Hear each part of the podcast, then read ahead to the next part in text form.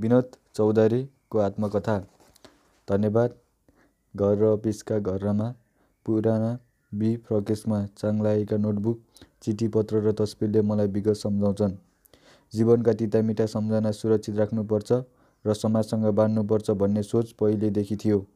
दुई हजार चौसठी माघतिर नेपाल आएका साथीहरू मेरो बारे किताब लेख्ने प्रस्ताव लिएर आए। मैले यसलाई आफ्नो सार्वजनिक सम्मानका रूपमा लिएँ तर व्यस्तताका कारण आफै लेख्न सम्भव थिएन। उनीहरूले भने, लेखक हामी नै दिन्छौँ, तपाईँले आफ्ना सबै कुरा खोल्नुपर्छ। उनीहरूले पत्रकार सुदीप श्रेष्ठको नाउँ दिए। आर्थिक पत्रकारका रूपमा म उनलाई चिन्थेँ।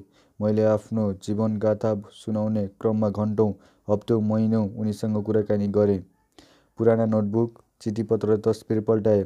उनले मेरा सहकर्मी, साथी, आफन्त र परिवारका सदस्यसँग समेत भेटघाट गरे। किताब लेखन क्रममा मैले विगतलाई सजीव ढङ्गले सम्झने मौका पाएँ। घटना पछाडि लुकेका निर्णयलाई आत्ममूल्याङ्कन गर्न र कतिपय निर्णयमा आत्मालोचना गर्न पनि पाएँ। यो मेरो होइन, चौधरी ग्रुपकै आत्मकथा हो। यस अवसरमा म आफ्नो व्यावसायिक जीवनमा सहयोग गर्ने सबैलाई स्मरण गर्न चाहन्छु। बुबा सधैँ मेरो निम्ति प्रेरणाको स्रोत रहनुभयो।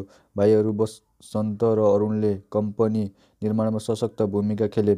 छोराहरू निर्वाह, राहुल र वरुणले कम्पनीलाई उचाइमा पुर्याउन मेरो जिम्मेवारी बाँडे। मैले उद्योग व्यापारमा कदम राखेदेखि एम. आर. महेश्वरी र मनोहर पाण्डेले साथ दिँदै आएका छन्। सहकर्मीहरू सुरेश साबु र जीपी शाहले चौधरी ग्रुपका आरोह-अवरोह नजिकबाट देखे। गलरी अग्रवालले पच्चीस वर्षदेखि अफिस र पारिवारिक मामिलामा सहयोग गरिरहेकी छिन्। व्यक्तिगत सहयोगी सञ्जय बस्नेत र पच्चीस वर्षदेखि चालक कृष्ण विष्टले मलाई सधैँ साथ दिए र निकै आभारी छु श्रीमती लिलीको, जसले घर-व्यवहारका साह्रै झैँ मेला आफैसँग बोकेर मलाई व्यस्त बिजनेसमा लागिरहने अवसर दिइन् र यो हैसियतसम्म पुर्याइन्। थालनी काठमाडौँमा घण्टाघरको रालोले मध्याह्न बाह्र बजाइरहेको हुँदो हो। हामी चिलीको राजधानी सान्टियागोमा रातको अन्तिम प्रहर यसरी काटिरहेका छौँ, मानौँ सेकेन्ड सेकेन्डमा फड्किने घडीको सुईले नयाँ जीवन दिइरहेको छ।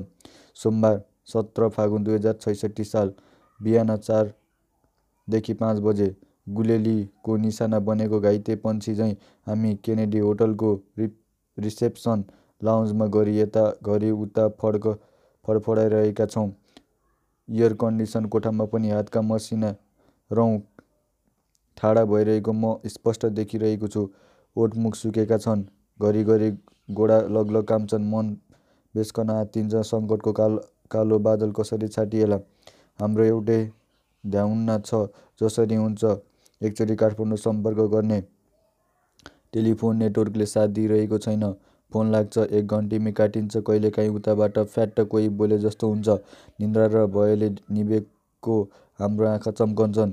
च्याठिँदै हेल्लो हेल्लो भन्छौँ, जवाफमा खोलो स्यायो-स्यायो आवाज आउँछ। आँखाको चमक फेरि हराउँछ। समय बसमा हुँदो हो त यतिखेर हामी ब्राजिलको रियो दे जेनेरियो जाने तयारी गरिरहेका हुन्थ्यौँ। बिहान दस बजेको फ्लाइट छ। तीन घन्टा अगाडि एयरपोर्ट पुग्नु। अब हिँड्ने बेला भइसक्यो। तर आज सबै उडान स्थगित भएको खबर हामीले होटल रिसेप्सनबाट अघि नै पाइसक्यौँ। उसले भनेको थियो एयरपोर्ट जाने सारा बाटा बन्द छन्। ठाउँ-ठाउँमा सडक भत्किएका छन्। धेरै ठाउँमा फ्लाइओभर खसेका छन्। कहीँ सडकमा गाडीहरू उल्टिएर छरपस्ट छन्। एयरपोर्टको धावना मार्गधरि चिरा-चिरा परेको छ। टावर खसेको छ। एक दुई दिन जहाज उड्ने छाड छैन। ऊ अझ भन्दै थियो, एम्बुलेन्स र दमकल कुदाउन बाटो खुलाउने काम भइरहेको छ। तपाईँहरू धैर्य गरेर बसिदिनुहोस्। हामी उसको कुरा सुनेर उल्टै अधीर भइरहेका थियौँ। न फुत्किन पाइने न यो समस्यासँग जुझ्नै सकिने। हिजो राति मात्र दक्षिण अमेरिका भ्रमणको आइटटिनरी हेर्दै मैले लिली, श्रीमती सारिकाको बोलाउने नाउँ लाई भनेको थिएँ। चिल्ली पनि गजबको भोग। अब एउटा ब्राजिल बाँकी छ, Rio de Janeiro, Sao Paulo त्यसपछि डाइरेक्ट दुबई। लिली सामान प्याक गर्दै थिई। सुटकेस तयार पारेर सुते। बिहानलाई लठारो रहँदैन। राति राम्रो निद्रा पर्छ हामीलाई के थाहा रातको अन्तिम प्रहर जिन्दगीकै सबभन्दा डरलाग्दो कालरात्रि बनेर आउँदैछ। बिहान तीन बजेदेखि चार बजे। मस्त निद्रामा थिएँ। अचानक ओछ्यान हल्लिए जस्तै भयो। टेबलबाट घन्द्र्याङ्ग केही चिज खस्यो। आँखा उघारे, ओछ्यान हल्लिरहेकी छ। घन्द्र्याङ्ग टेबलबाट फेरि अर्को चिज खस्यो। जुरुक्क उठेँ। भित्तामा झुन्डिरहेको घडी हेरेँ। तीन बजेर दश मिनेट गएछ। चारैतिर आँखा डुलाएँ। पुरै कोठा फनाफनी घुमेजस्तो लाग्यो। लिली हडबडाउँदै उठी, बाबु भुइँचालो गयो, भुइँचालो। ऊ आँखा चिम्लेर साइराम साइराम जप्न थाली। म न आँखा चिम्लन सक्छु न राम्ररी हेर्न। पलङ आफ्नो ठाउँबाट सर्याक सर्याक सरिरहेको छ। यस्तै लाग्दैछ हाम्रो झुम्रेको पुतली हौँ। कागजको घरभित्रै छौँ। केही बालक मच्ची मच्ची घर हल्लाइरहेका छन्। घरि यताका सामान उता उत्तिन्छन्, घरि उताका सामान यता सर्छन्। झ्यालको पर्दा घरि यता धकेलिन्छ, घरि उता तानिन्छ। टेबलमाथि सामान केही बाँकी छैनन्। सबै भुइँमा छरपस्ट। अलि बेरामा पलङबाट ओर्लिन पाइयो भने सम्हाली सम्हाली टेक्नु पर्ला। जिन्दगीमा पहिलो पल्ट मलाई थाहा भयो, भुइँचालोले कोठा नचाउँदा हुरी बतासमा रुख ढले जस्तो भयङ्कर आवाज आउँदो रहेछ। कानको जाली हल्लाउने गरे। घट् घट् घट् चरर्र, किट्किट् किट्किट् क्यार्र। लौ भत्कियो, लौ फुट्यो, लौ खस्यो, सेकेन्ड सेकेन्डमा सास काटीसम्म आएर अड्किन्थ्यो। बाबु भागौँ, लिली डरले भक्भकाउन थाली। भागेर कहाँ जानु हामी केनेडी होटलको बाह्रौँ तल्लामा छौँ।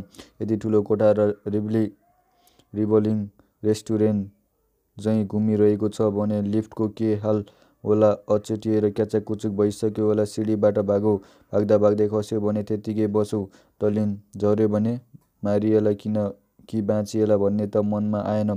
तर एउटा कुरा पक्का भयो, अब केही बेरमै यो घर घर्ल्याङ गुर्लुङ ढल्छ। वा पुरै फ्ल्याट उछिट्टिएर कहाँ पुग्छ कहाँ? त्यतिखेर म कहाँ पुरिएको हुँला, लिली कहाँ चेपेलिएकी होला। भुइँचालोको एउटा अनुशासन हुँदो रहेछ।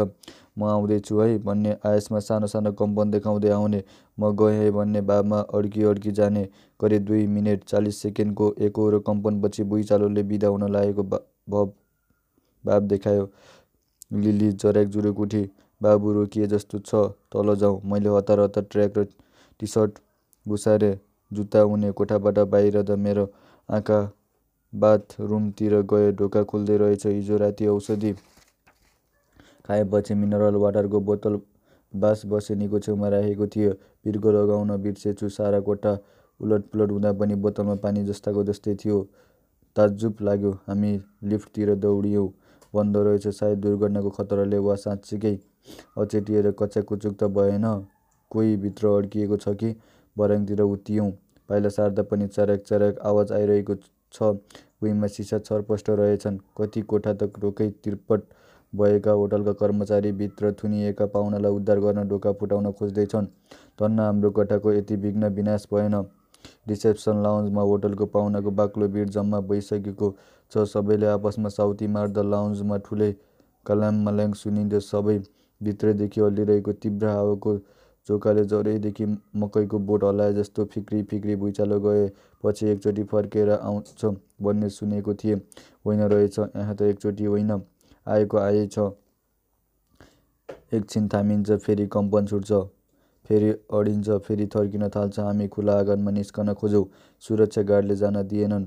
अग्लो घरबाहिर निस्के ज्यान जाला, उसले सम्झाए। तार चुँडिएर लाग्न सक्छ, सिसा फुटेर टाउकोमा बजारिन सक्छ। यस्तो घरको बेसमेन्ट ज्यान जोगाउन सबभन्दा राम्रो ठाउँ मानिँदो रहेछ। त्यही भएर होटलको बेसमेन्ट खोलिएको थियो। त्यहाँ बत्ती थिएन, एयर कन्डिसन थिएन। सर्ट सर्किटको डरले काटिएको होला। पाहुनाहरू ज्यान जोगाउन मोबाइलको उज्यालोमा पसिनाले थुप्रिँदै भिजेर बसेका थिए। हामी धेरै बेर अडिन सकेनौँ। फेरि माथि लाउन्जमा उक्लियौँ। सिएनएनले ब्रेकिङ न्युज दिन थालेपछि सिएनएनले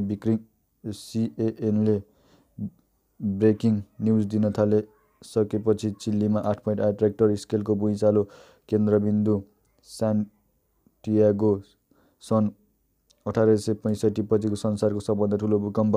हामी एकअर्काको हात अठ्याइरहेका छौँ। चिलीमा बिताएको त्यो रात जति भयानक थियो, यात्राको सुरुवात उति रोमाञ्चक। आइतबार, दुई फागुन दुई हजार छैसठी साल आइतबार, सोह्र फागुन दुई हजार छैसठी साल। सेलिब्रेटी इन्फिनिटी क्रुज को दश तले जहाज, दुई हजार यात्रु र एक हजार कर्मचारीसहित अर्जेन्टिनाको राजधानी ब्युनस आयरेसबाट अन्टार्कटिका यात्रामा निस्कियो। जहाजमा ती सबै सेवा सुविधा उपलब्ध छन् जुन हामी पाँच वा छतारे होटलमा पाउँछौँ। चौबीसै घण्टा चल्ने क्यासिनो, अत्याधुनिक थिएटर, आरामदायी एक्वा स्पा, विश्वका सबैजसो स्वाद चाख्न पाइने रेस्टुरेन्ट, छोटोमा भन्दा समुद्री सहर जस्तो। यसका साक्षी हौँ हामी, म लिली, नयाँ दिल्लीका साथी नरेश खट्टर र उसकी श्रीमती रीता गुड्डी। साहसिक यात्रामा मेरो ट्रक बसेको छ। दुई हजार पैँसठी सालमा पाँच हजार चार सय सोह्र मिटर उचाइको थोरलाङ पास पार गरेँ। कैलाश मानसरोवर पुगेँ। मलाई चुनौती लिन, त्योसँग जुझ्न र त्यसलाई पछाड्न आनन्द आउँछ। यो मेरो कमजोरी हो र साहस पनि। कसैले यसलाई उच्च महत्त्वाकाङ्क्षाको नाम देलान्। मेरो विचारमा यो उच्च इच्छाशक्ति हो। इच्छाशक्ति मजबुत भए संसारमा गर्न नसकिने केही छैन, चाहे व्यापारको क्षेत्रमा होस् चाहे साहसिक यात्रामा। अन्टार्कटिका यात्रा त्यसैको एउटा कडी हो। सेलिब्रिटी क्रुजको जहाज माटोको धरती छोडेर एट्लान्टिक महासागरको गाढा निलो पानी र फटिक निलो आकाशमुनि हराउँदै गयो। अब हामीले माटो देख्न फोकल्यान्ड टापु नै पुग्नुपर्छ। पहिलो दुई दिन त एकदमै हल्लाए। एकोहोरो भुइँचालो गइरहेजस्तो डरले रातभरि निद्रा परेन। आफूलाई पानी जहाजमा यति लामो यात्राको अनुभव भए पो कहिलेकाहीँ समुद्री तुफान आउँदो रहेछ। कम्पन एकाएक बढ्थ्यो। जिउ पुरै बाडिएजस्तो हुन्थ्यो। एकचोटि त राति उठेर रिसेप्सनमा फोनै गरेँ के भएको यो? रिसेप्सन कर्मचारीले जहाजमा यस्तै हुन्छ सर भन्दा लाजले पानी पानी भएँ। मनमनै भनेँ मेरो खुब जहाजको दाग लाउँछ। तँ थोरलाङ पास आइज। अनि हेरौँला तेरो फुर्ती। मान्छेले जे देखेको छ, जे भोगेको छ त्यसैमा गर्व गर्ने त हो। बरु लिलीको ताल देखेर हाँसै उठ्यो। ऊ पो मलाई बाबु यस्तै हो समुद्रमा भन्दै सम्झाउन खोज्ने। मैले उसलाई खिपेँ। फेवातालको डुङ्गा सम्झिएकी छौ? मैले त कहाँ सम्झिनु, ऊ के काम भनिहाली। त्यही भएर त तपाईजस्तो डराएकी छैन। हामी लोग्ने स्वास्नीको खुट्टा तानातान खट्टरीकी श्रीमतीलाई खुब स्वाद परेछ। बेस्कन हाँसी जहाज विशाल समुद्रको काखमा परपर सर्दै जाँदा हामी हाँसोठट्टामा रमाउँदै गयौँ। त्यहाँ कामै के र की, ब्युगलमा चढेर ओठमुख क्रमक्क पार्दै चिसो समुद्री स्याट खायो, कि क्यासिनोमा रुलेट खेल्यो, कि रेस्टुरेन्टमा थरीथरीका स्वाद चाख्यो, होइन भने कोठामा बस्यो एकअर्कालाई उह्याल्यो। चार दिनको अविच्छिन्न यात्रापछि हामी फोकल्यान्ड टापुमा ओर्लियौँ। तीन हजार जनसङ्ख्या भएको यो सानो टापुसँग नेपाली वीरताको ठुलो इतिहास जोडिएको छ। सन् अठार सय बयासीको फोकल्यान्ड युद्धमा ब्रिटिसले गोर्खाली सेनाको भरमा अर्जेन्टिनालाई धुलो चटाएको थियो। त्यतिखेर ब्रिटिसले अन्तिम रेजिमेन्टका रूपमा गोर्खाली सेना पठाउँदै छ भन्ने थाहा पाएपछि अर्जेन्टिनीहरू त्यसै भागेका थिए रे। त्यसको चार वर्षपछि विश्वकप फुटबल प्रतियोगितामा अर्जेन्टिना र इङ्ल्यान्डबीच भिडन्त हुँदा अर्जेन्टिनी फुटबल स्टार म्याराडोनाले भनेका थिए रे, फुटबलको मैदान फोकल्यान्डको युद्धभूमि होइन जहाँ इङ्ल्यान्डलाई बचाउन गोर्खाली सेना आउँछन्। अहिले पनि त्यहाँका बासिन्दा नेपाली वीरताको तारिफ गरेर थाक्दैनन्। गाडी चालकदेखि रेस्टुरेन्टका साहुजीले समेत हामी नेपाल भएको थाहा पाएपछि लाज लाग्ने गरी खातिरदारी गरे। तेलको खानी भएको यो टापुमा बेलायतको कब्जा छ। यसको सम्पूर्ण श्रेय उनीहरू गोर्खाली सेनालाई दिन्छन्। आफ्नो देशबाट हजारौँ किलोमिटर पर नेपाली हुनु गर्वले हामी छाती चौडा भएर आयौँ। फोकल्यान्डबाट हाम्रो अर्को गन्तव्य एलिफेन्ट टापु। अन्टार्कटिकाको प्रवेश बिन्दु भनिन्छ यसलाई। यहाँ जगत सारा रङ दुईटै रङमा आएर समेटिन्छन्। निलो समुद्री पानी र त्यसमै तैरिरहेको सेता बरफका उच्चा पहाड कतै सानाथुम्का। शान्ति र समर्पणको यो अनुभव मिश्र नेपालका उच्च हिमाली श्रृङ्खलामा पनि भेटिन्छ, जहाँ सेतो हिउँ ओढेको चुचुरा निलो गगन छन् खुजिरहेका हुन्छन्। हिमालको बीचमा, आकाशको नजिक उभिएर चारैतिर नजर डुलाउँदा मन पनि कति अलुङ्गो हुन्छ। त्यसको स्वाद मैले थोरलाङ पासमा चाखेको छु। धरतीको गुरुत्व शक्तिबाट फुत्केजस्तो, सिमलको भुवा झैँ नरम र हल्का, भर्खरै आकाशमा उडी पो हालिने हो कि? चारतिरको तनावले घरिघरि गिज्झालो आएर एक एक पल सुनजस्तै खर्चने बानी परेको हामी मान्छेजातिलाई माटोको धरतीभन्दा परको दुनिया नै प्यारो हुँदो रहेछ। कि हिमालको उचाइ, कि समुद्रको गहिराइ, यहाँ हामी आफै भित्र हराउन सक्छौँ, रमाउन सक्छौँ। हामीलाई बिथोल्न खोज्ने तागत कसैमा हुँदैन। बेला बेला बिथोल्ने हामीजस्ता शून्यतामा रमाउन आएका पर्यटक नै हुन्, जो बरफको पहाड देखेर मन थाप्न नसकी च्याठिन्छन्। माइनस डिग्री तापक्रम चिसो सिरेटोसँगै बत्तिँदै जहाजको छतमा गरी ग्वार यता कुद्छन् गरी उता। कोही त टाइटनिक सिनेमामा जस्तो जहाजको छेउमा उभिएर हात फैलाउँछन्। बरफको पहाडलाई अँगालले मार्ने सुर छ कि? क्रुज त्यही पहाड र थुम्का छल्दै अगाडि बढ्दैछ। त्यहाँबाट दुई दिनको यात्रापछि हामी अर्जेन्टिनाको पुच्छर नागेर चिलीको केहरपन टापु पुग्यौँ। पेङ्गुइनहरू हाम्रो प्रतीक्षामा थिए। मानव सन्निकटता तिनलाई प्यारो लाग्छ। सायद त्यही भएर बच्चा जस्तो बोन्टुङ बोन्टुङ अलि अलि नाचिरहेका थिए। हामीले हात हल्लायौँ खुसीले चिच्यायो। अनगन्ती तस्बिर खिच्छु जहाजको थिएटरमा हरेक हेरेको एउटा सिनेमा अनुसार यो जीव आफ्नो बच्चाको खानकी जम्मा गर्न अलग अलग ठाउँ चाहर्छ। दिनकै पचास माइल यात्रा गर्छ। भाले आहाराको खोजीमा निस्कँदा पोथी बच्चा सम्हालेर बस्छे। भाले फर्किन्छ। पोथी निस्किन्छे। कहिलेकाहीँ आहारा समयमा आइ नआइपुगे। बच्चा त्यसै मर्छ। एउटा यस्तो सङ्घर्षपूर्ण जीवन जसबाट हामी मान्छेले धेरै पाठ सिक्नुपर्छ। अहोरात्र खटिने पाठ। थाकेर नहार्ने पाठ। यहाँबाट अगाडिको यात्रा पृथ्वीको सबभन्दा दक्षिणी तिर बढ्छ। हामी यदि कमिला हुँदा हौँ र ग्लोबमा यसै गरी यात्रा गरिरहेका हुन्थ्यौँ भने पृथ्वीमा ओह्रालो झरिरहेका हुनेथ्यौँ चिप्लेर खस्न के बेर? यहाँ ओह्रालोको आवाज छैन। समथरे समतर छ। धन्न हामी कमिला भएनौँ। पृथ्वीको दक्षिणी गोलार्धमा रहेको मानव बस्तीविहीन अन्टार्कटिका कति मानव पाइला रे? मलाई थाहा छैन। डिसेम्बर चौध अठार सय एघारमा नर्वेली अन्वेषण यात्री रोड एमुन्ड सन पहिलोपटक यहाँ पुगे आइपुगेका थिए। त्यसको अठार वर्ष दुई महिना छ दिनपछि फेब्रुअरी दुई हजार बिस दुई हजार दसमा हामी पुग्यौँ नेपाली तिथि अनुसार आठ फागुन दुई हजार छैसठी। अन्टार्कटिकाका विभिन्न स्थल फन्को लगाउँदै भोलिपल्ट हामी अर्जेन्टिनाको इसुया बन्दरगाहमा झऱ्यौँ। क्रुजको बाँकी छ दिने कार्यक्रममा अर्जेन्टिना र उरुग्वेका बन्दरगाह घुम्नुबाहेक उल्लेखनीय केही थिएन। मैले समुद्र यात्रा त्यही छाडेर दक्षिणी अमेरिकाको विभिन्न देश घुम्दै काठमाडौँ फर्कन निधो गरेँ। खटरलाई मेरो निर्णय पचेन। हामीलाई बिचमै छाडेर जाने ऊ ठुस्क्यो। मैले फकाएँ। उता लिल्ली गड्डीसँग अँगालो मारिरहेकी थिए। खटर दम्पतिलाई बिदा गरेर हामी दक्षिण अमेरिकाको भूयात्रामा निस्क्यौँ। उसियाईबाट मेन्डोजा त्यहाँबाट ब्युन्स आयरेन्स अनि चिल्लीको सान्टियोगा सान्टियोगा जहाँ जिन्दगीकै सबभन्दा कठिन घडीको हामीले सामना गर्नु पर्यो सत्र फागुन दुई हजार छैसठी बिहान पाँच बजेदेखि सात बजे। Mister Chaudhary your line is connected hotel कर्मचारीको आवाजले हाम्रो काना ठा काना ठाडा भए। रुन्चे आँसुको रेखा लिली लिलीको अनुहारभरि छरियो। ऊ उतिँदै रिस रिसेप्सन डेस्कमा फोनको रिसिभर छोप्न पुगी। म पछि लागेँ यसपालि लाइन नकाटियोस्। हेलो निर्माण उसले एकै सासमा भने हजुर बिबी भाबीजी म सञ्जय हाम्रो एक सहयोगीले फोन उठाएको रहेछ। हामी त चाँदबाद स्कुलको कार्यक्रममा निर्माण बाबु भाषण गर्दै हुनुहुन्छ।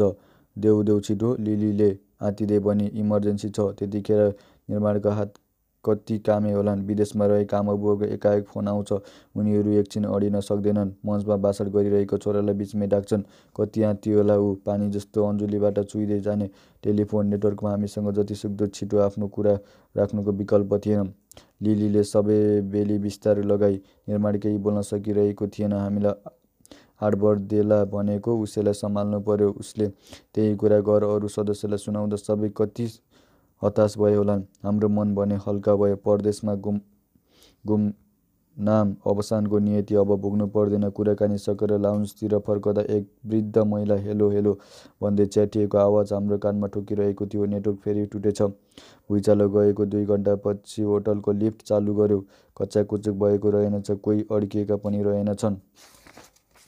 हामी लिफ्टबाट कोठामा फर्क्यौँ। सुटकेस अरू एक एक गर्दै बाहिर ओसार्यो। अन्तिम सुटकेसको ओसार्दा एकचोटि बा बाथरुमतिर निहाले आधा भरिएको मिनरल वाटरको बोतल जस्ताको जस्तै थियो।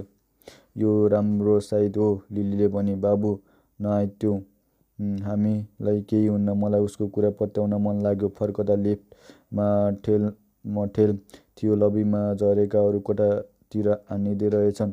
कोही हामी जस्तै सुटकेस बोकेर निस्किरहेका। फेब्रुअरीको जाडोमा पनि धेरैजना राति आए लाएको टी सर्ट हाफ प्यान्ट वा सिप्लिङ गाउन गाउनमै थिए। न्याना लुगाले ज्यान तताउनतिर कसैको ध्यान गएनछ। मन पुरै चिसिएका बेला जिउमा जति काँडा उम्रे पनि निधारबाट चिट-चिट पसिना छुट्दो रहेछ। सबैको हतास अनुहार देख्दा मलाई ऐना हेरेजस्तो भयो। लिफ्टमा ठाउँ पाउन केही छिन कुर्नुपर्यो। लिलीले सुटकेसबाट पछ्यौरा झिकेर गलङ्ग ओढी, बाबु ज्याकेट किनिदेऊ।